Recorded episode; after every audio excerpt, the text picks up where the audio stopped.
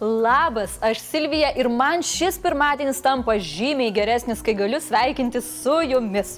O dar naujienos kokios - gražulio skambučių epopėja, Lietuvos ir Kinijos santykių žiema, tragedija JAV ir viską užbaigsime apie Minsko hybridinių metodų paletę. Kaip kasmet į mūsų kiemus ateina žiema, Taip kartais į žinias sugrįžta Petras Gražulis. Pasirodo, kad užkniso jis ne tik mus ir jūs, bet ir buvusi valstybinės maisto ir veterinarijos tarnybos vadovą Joną Milių. Tai jis papasakojo liudydamas Vilniaus apygardos teismui gražulio piknaudžiavimo byloje. Anot Miliaus Petras domėjosi ne tik Judex, bet ir kitų įmonių reikalais. Jo teigimu, Petras buvo įkyrėjęs visoms ministerijoms ir visiems ten dirbantiems, neskambinėjo jis ne tik Miliui. Jau žinau, kokia bus gražulio gynyba. Skambinėjau ne aš, o konservatoriai arba ten koks nu, tapinas. Pasak Miliaus, gražulis jam skambinėdavo dėl gyvūnų ženklinimo, smulkaus verslo, pieno eksporto ir kitų klausimų. Įdomu, dėl kokių dar klausimų Petras taip dažnai skambindavo kitam vyrui. Gal su kompu kažkas negerai buvo nutikę. Pagalbos gal kokios reikėjo? Kaip teisme teigia buvęs vadovas apie esą Judex gaminiuose Rusijos tarnybų rastą listerijos bakteriją 2015 metais, jis sužinojo iš Petro skambučio. Ką tuo metu veikė Milius? Atostogavo. Ta prasme, jokios gėdos žmogų šitai per atostogas trukdyti. Gražulis ilgai skundėsi tuo metinė prezidente. Paskui kalbėjo apie verslininkų delegaciją ir pakvietė tarnybos vadovą kartu su jais važiuoti į Kaliningradą. Milius iškart atsisakė ir pasiūlė iš vis pamiršti Rusijos rinką ir bendradarbiauti su JAV ir Japonija. Nu betgi nesąmonė ten tie gėjai, JAV. Fu. Primės dabar tavo vaiką ar mano vaiką, ne? Mokykloje, ku mokins pasibučiuok su berniuku. Nu, čia nesako. Buvęs tarnybos vadovas tvirtino, kad listerijos bakterijų Judex produkcijoje galėjo ir nebūti. Buvo atliktas greitasis testas, kaip su COVID, parodęs, kad bakterija galimai yra, tačiau atlikus įprastą testą tokios abejonės nepasitvirtino.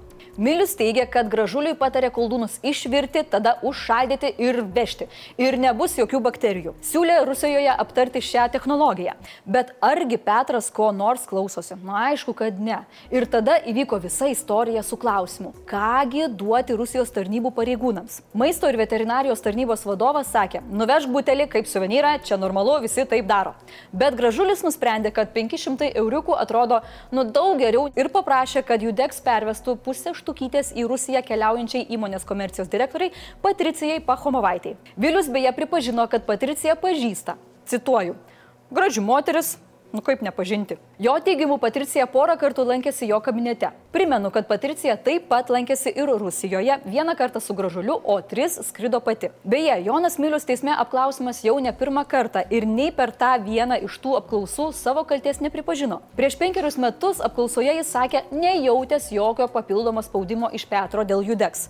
O kitoje apklausoje teigia, kad gražulis su juo dėl jokios finansinės naudos už pagalbą įmoniai kalbėjęs nėra ir nenustepčiau, jog tai tikras faktas. Gražulis nepanašus į žmogų, kuris finansinę naudą norėtų dalintis. Na, o aš noriu, kad jūs dalintumėtės mūsų žiniomis, paspaustumėte po jomis patinka ir užprenumeruotumėt mūsų kanalą. Ačiū! Mua. Kai Lietuva, siekdama plėtoti ekonominius ryšius su Indijos ir Ramiojo vandenino regiono šalimis, atidarė taivaniečių atstovybę Vilniuje, tai ne jokai supykdė Kiniją. Ji Taivaną laiko savo dalimi ir niršta, kad atstovybė pavadinta Taivano, o ne Kinijos taipėjaus vardu. Mes pirmieji pasaulyje žengia tokį žingsnį ir sulaukėme JAV palaikymo. Lietuva teisinasi, kad tai nėra diplomatinė atstovybė. Premjerė Ingrida Šimonytė tikina, kad tikslas yra ekonominis bendradarbiavimas. Kitaip tariant, Lietuva gina savo teisę mėgsti ryšius su Taivanu, tačiau pripažįsta ir vienos Kinijos idėją. Čia kaip pripažinti kaimynų šeimą, bet palaikyti santykius su kaimynu. Grinai ekonominius. Pavyzdžiui, jei, jei pritrūktumėt druskos. Tik galingas komunistinis tigras taip supyko, kad pavadino mus muse, kurią reikia numušti. Pekinas į Lietuvą negražins savo ambasadoriaus ir nelaukia į Kiniją grįžtant Lietuvos ambasadorės. Kinija apribojo diplomatinio atstovavimo lygį iki reikalų patikėtinių. Kinijos užsienio reikalų ministerijos atstovas žiniasklaidai sakė, kad Lietuva pjaus tai, ką pasėjo, tačiau nepateikė jokių detalių. Kol kas Lietuva stipriai sėja demokratiją. Galvoju, kad Iš to išaukti gali stipresni ryšiai su vakarais ir mažiau kiniškų prekių pas mus. Pasak Lietuvos Kinijos prekybos asociacijos vadovo Roko Radvilavičiaus, šitas diplomatinis reikalas paveiks Lietuvą ekonomiškai. Bėda ta, kad Kinijai mūsų nereikia, o mūsų verslams Kinijos lyg ir reikėtų. Pavyzdžiui, maisto pramonės rytyje. Sąstingis jaučiamas ir energetikos sektoriuje. Kinijos įmonės dėl atsinaujinančios energijos investicijų mums dar neatsako neigiamai, bet dėlse ir tai parodo, kad neinvestuos, kol tęsis santykių žiema. Kinija ėmėsi stabdyti krovininius traukinius į Lietuvą, maisto eksporto leidimų išdavimą sumažino Lietuvos įmonėms kredito limitus ir pakėlė kainas. Lietuvos pramoninkų konfederacijos prezidento Vidmanto Janulevičiaus teigimu, jei situacija pablogėtų, verslui numatyta pagalba apyvartos lėšoms. Ar tai reiškia, kad yra grėsmė, jog Lietuvoje bus mažiau keulės formos pagalvėlių, netikro vaikino imitacijų miegui, salotos flip-flopų? plaukuotų bikinių ar labai keistų burnos treniruoklių? Hmm. Gal ir nieko.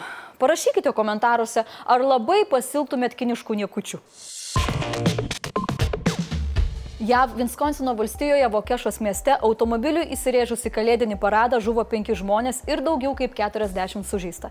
Vykstant paradui raudonas visureigis pramušė užtvarus, nulėkė pagrindinę gatvę ir dideliu greičiu rėžėsi į eiseną už mokinių pučiamųjų orkestro. Vienas policininkas šaudė į visureigį, mėgindamas jį sustabdyti. Kiti pareigūnai bėgo šaukdami, kad žmonės spėtų pasislėpti, o tada pasigirdo didelis smūgis ir partrenktų žmonių riksmas. Policijai pavyko sulaikyti vairuotoją. Pranešama, kad kitų kitų su šiuo incidentu susijusių grėsmių nėra, o vairuotojo motyvus dar aiškinasi. Prezidentas Joe Bidenas informuojamas apie padėtį, o Baltieji rūmai atidžiai stebi situaciją Vokešoje. Kaip sakė atstovai, mūsų širdis su visais, kurie buvo paveikti šio baisaus incidento. Įvykio tyrimą vykdo vietos teisės saugos agentūros, bet federalinis tyrimų biuras nurodė irgi teikiantis pagalbą.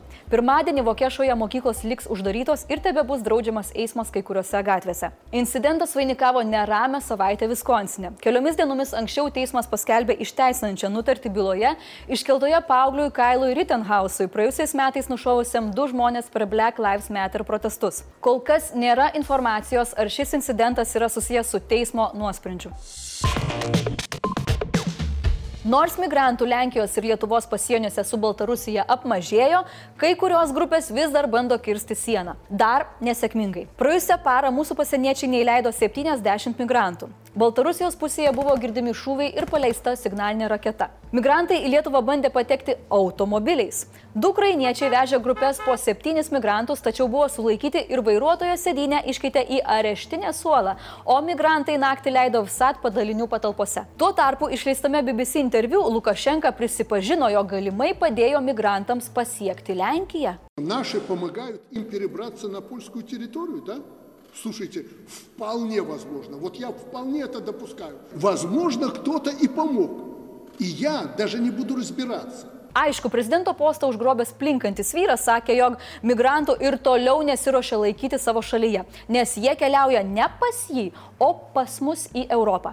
Prisipažinimai tęsiasi. Мы видели, как били этих людей, и мы видели, как выходили из э, Окрестина молодые парни, да, с побоями. Не надо, не надо, я это признаю, признаю. Kažkokia diktatoriaus atvirumo valandėlė. O kas toliau?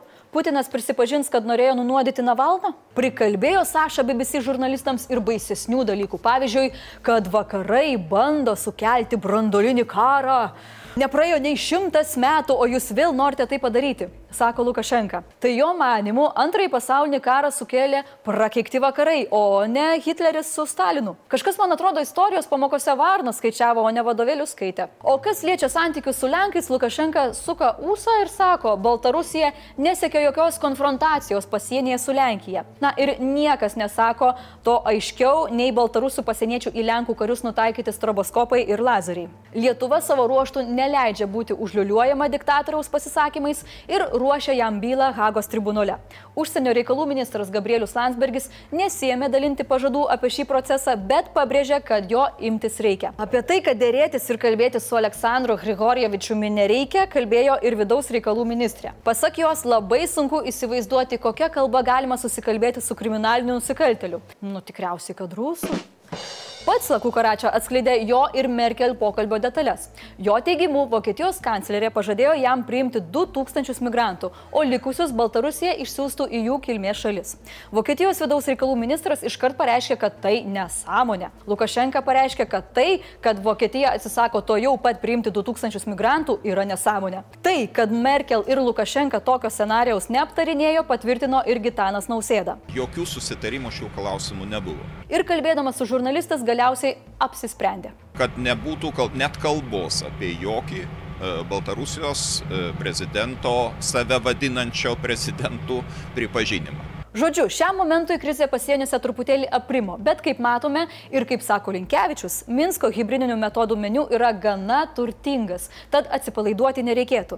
Beje, Minsko hybridinių metodų meniu yra vienintelis meniu, iš kurio negali patiekalo pasirinkti pats. Jį už tave išrenka usuotas šefas. Blitz naujienos. Pankstinus revakcinaciją tris kartus padaugėjo norinčių skiepytis sustiprinančią dozę. Nuo praėjusio trečiadienio trečiąją dozę galima gauti praėjus ne pusmečiai po antro skiepo, o keturiems mėnesiams. Pasaulinė populiariosios muzikos superžvaigždė Dualipa kitą metą surenks koncertą Lietuvoje. Koncertas įvyksantis birželio 21 dieną didžiausioje šalies Žalgerio arenoje bus vienintelis atlikėjos šou Baltijos šalise. Niderlandų premjeras Markas Riutė pasmerkė ankstesnės tris naktis šalyje vykusius neramumus. Jie prasiveržė per protestus prieš COVID-19 suvaržymus. Jis sakė, kad karantino priešininkų riaušės yra idiotų kurstomas smurtas ir kaltieji bus patraukti atsakomybėn. Amerikos muzikos apdovanojimuose pagerbti geriausi muzikos atlikėjai. Pietų Korejos vaikinų grupė BTS vėl pelnė populiariausio popmuzikos dueto ar grupės apdovanojimą. Taylor Swift - populiariausios muzikos atlikėjos, Eda Širnas - popmuzikos atlikėjo. Valio. Ir priminsiu šios dienos klausimą, ar pasilgsite kiniškų niekučių? Arba ką įdomiausio esate gavę, matę, radę interneto platybėse iš Kinijos rinkos? Dideliai šeimoji maistas ant žemės ilgai neužsibūna.